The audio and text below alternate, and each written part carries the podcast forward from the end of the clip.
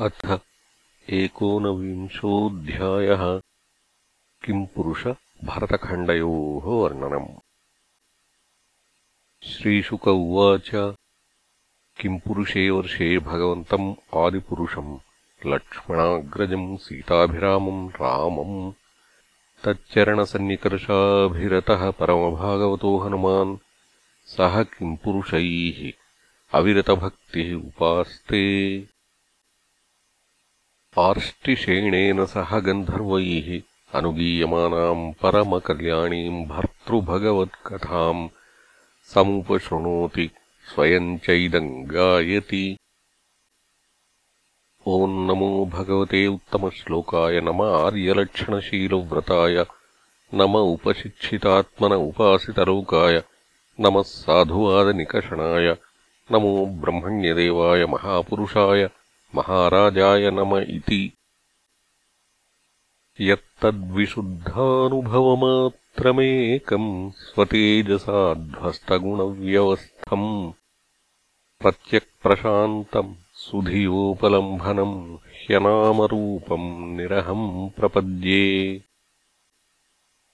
मत्यावतारस्त्विह मत्यशिक्षणम् रक्षोवधायैव न केवलम् विभोः कुतोऽन्यथा स्याद्रमतः स्व आत्मनः सीताकृतानि व्यसनानीश्वरस्य।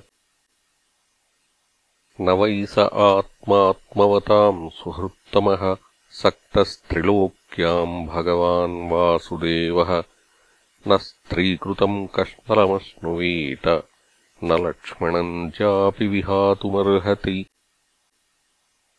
न जन्म नूनम् महतो न सौभगम् न वाङ्न बुद्धिर्नाकृतिस्तोषहेतुः तैर्यद्विसृष्टानपि नो वनौकसः चकारसख्ये बत लक्ष्मणाग्रजः। सुरोऽसुरो वाप्यथ वानरो नरः सर्वात्मना यः सुकृतज्ञमुत्तमम् भजेत रामम् मनुजाकृतिम् हरिम् य उत्तराननयत्कोसलान् दिवम् इति। भारतेऽपि वर्षे भगवान् नरनारायणाख्य आकल्पान्तमुपचितधर्मज्ञानवैराग्यैश्वर्योपशम उपरम आत्मोपलम्भनम् अनुग्रहाय आत्मवताम् अनुकम्पया तपो अव्यक्तगतिश्च चरति। तम् भगवान्नारदो वर्णाश्रमवतीभिः भारतीभिः प्रजाभिः भगवत्प्रोक्ताभ्याम् साङ्ख्ययोगाभ्याम् भगवदनुभावोपवर्णनम् सावर्णेरुपदेक्ष्यमाणः परमभक्तिभावेनोपसरति इदम् चाभिगृणाति।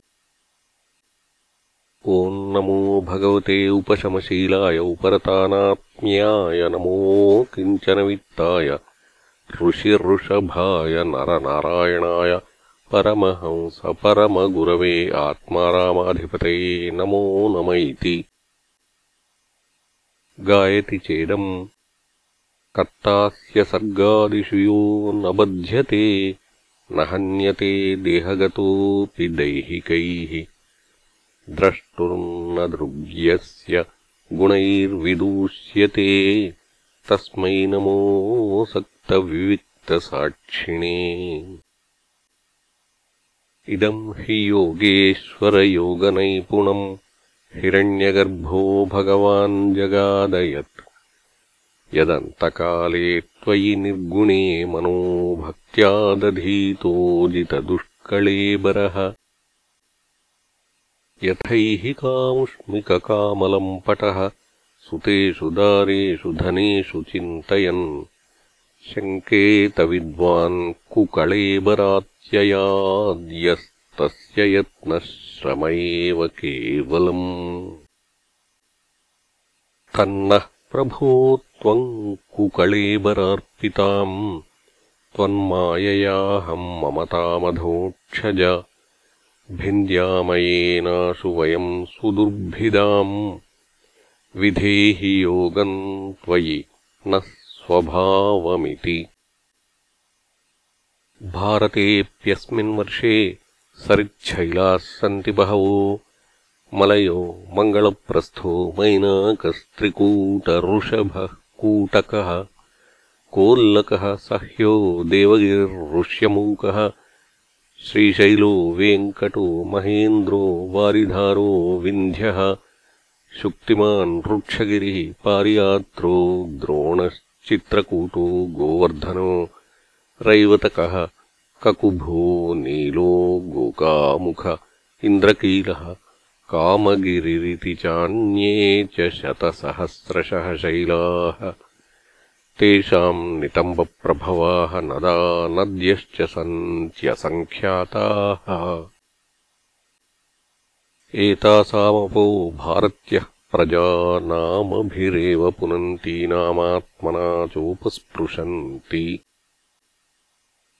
चन्द्रवशा ताम्रपर्णी अवटोदा कृतमाला वैहायसी कावेरी वेणी पयस्विनी शर्करावर्ता तुङ्गभद्रा कृष्णा वेण्या भीमरथी गोदावरी निर्विन्ध्या पयोष्णी तापी रेवा सुरसा नर्मदा चर्मण्वती सिन्धुरन्धः शोणश्च नदौ महानदी वेदस्मृतिर्ऋषिकुल्या त्रिसामा कौशिकी मन्दाकिनी यमुना सरस्वती दृषद्वती गोमती सरयू रोधस्वती सप्तवती सुषोमा शतद्रूः चन्द्रभागा मरुद्वृधा वितस्ता असिक्नी विश्वेति महानद्यः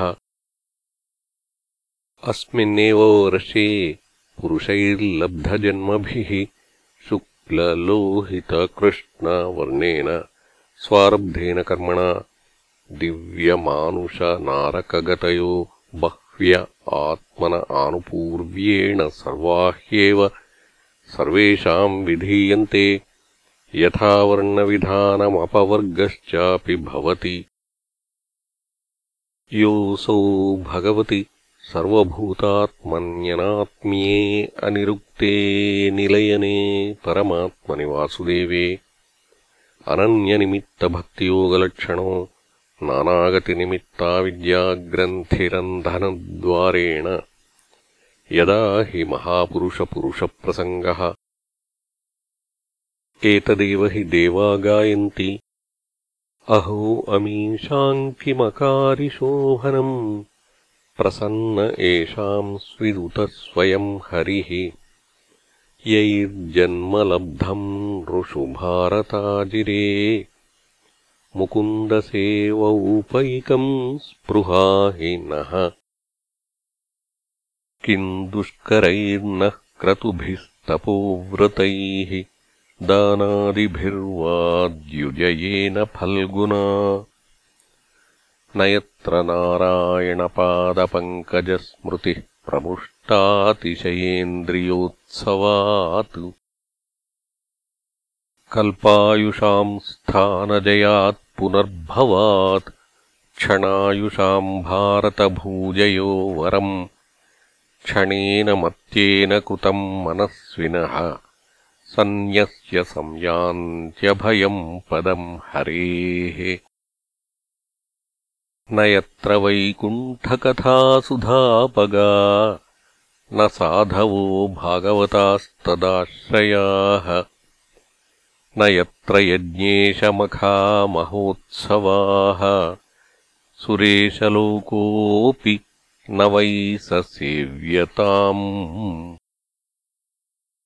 प्राप्ता नृजातिम् त्विहये च जन्तवो। ज्ञानक्रियाद्रव्यकलापसम्भृताम् न वै यतेरन्न पुनर्भवायते भूयो वनौका इव यान्ति बन्धनम् यैः श्रद्धया बर्हिषि भागशो हविः। निरुप् तमिष्टम् विधिमन्त्रवस्तुतः। एकः पृथङ्नामभिराहुतो मुदा। गृह्णाति पूर्णः स्वयमाशिषाम् प्रभुः सत्यम् दिशत्यर्थ स्थितमत्थितो नृणाम्। नैवात्थदो यत्पुनरत्थिता यतः स्वयम् विधत्ते भजतामनिच्छताम्। इच्छापिधानम् निजपादपल्लवम्।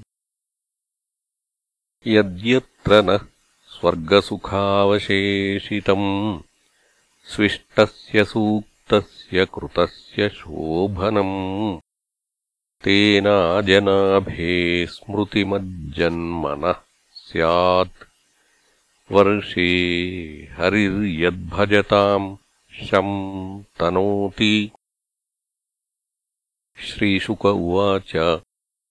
जम्बूद्वीपस्य च राजन् उपद्वीपानष्टौ हैके उपदिशन्ति सगरात्मजैः अश्वान्वेषण इमाम् महीम्। परितो निखनद्भिः उपकल्पितान्।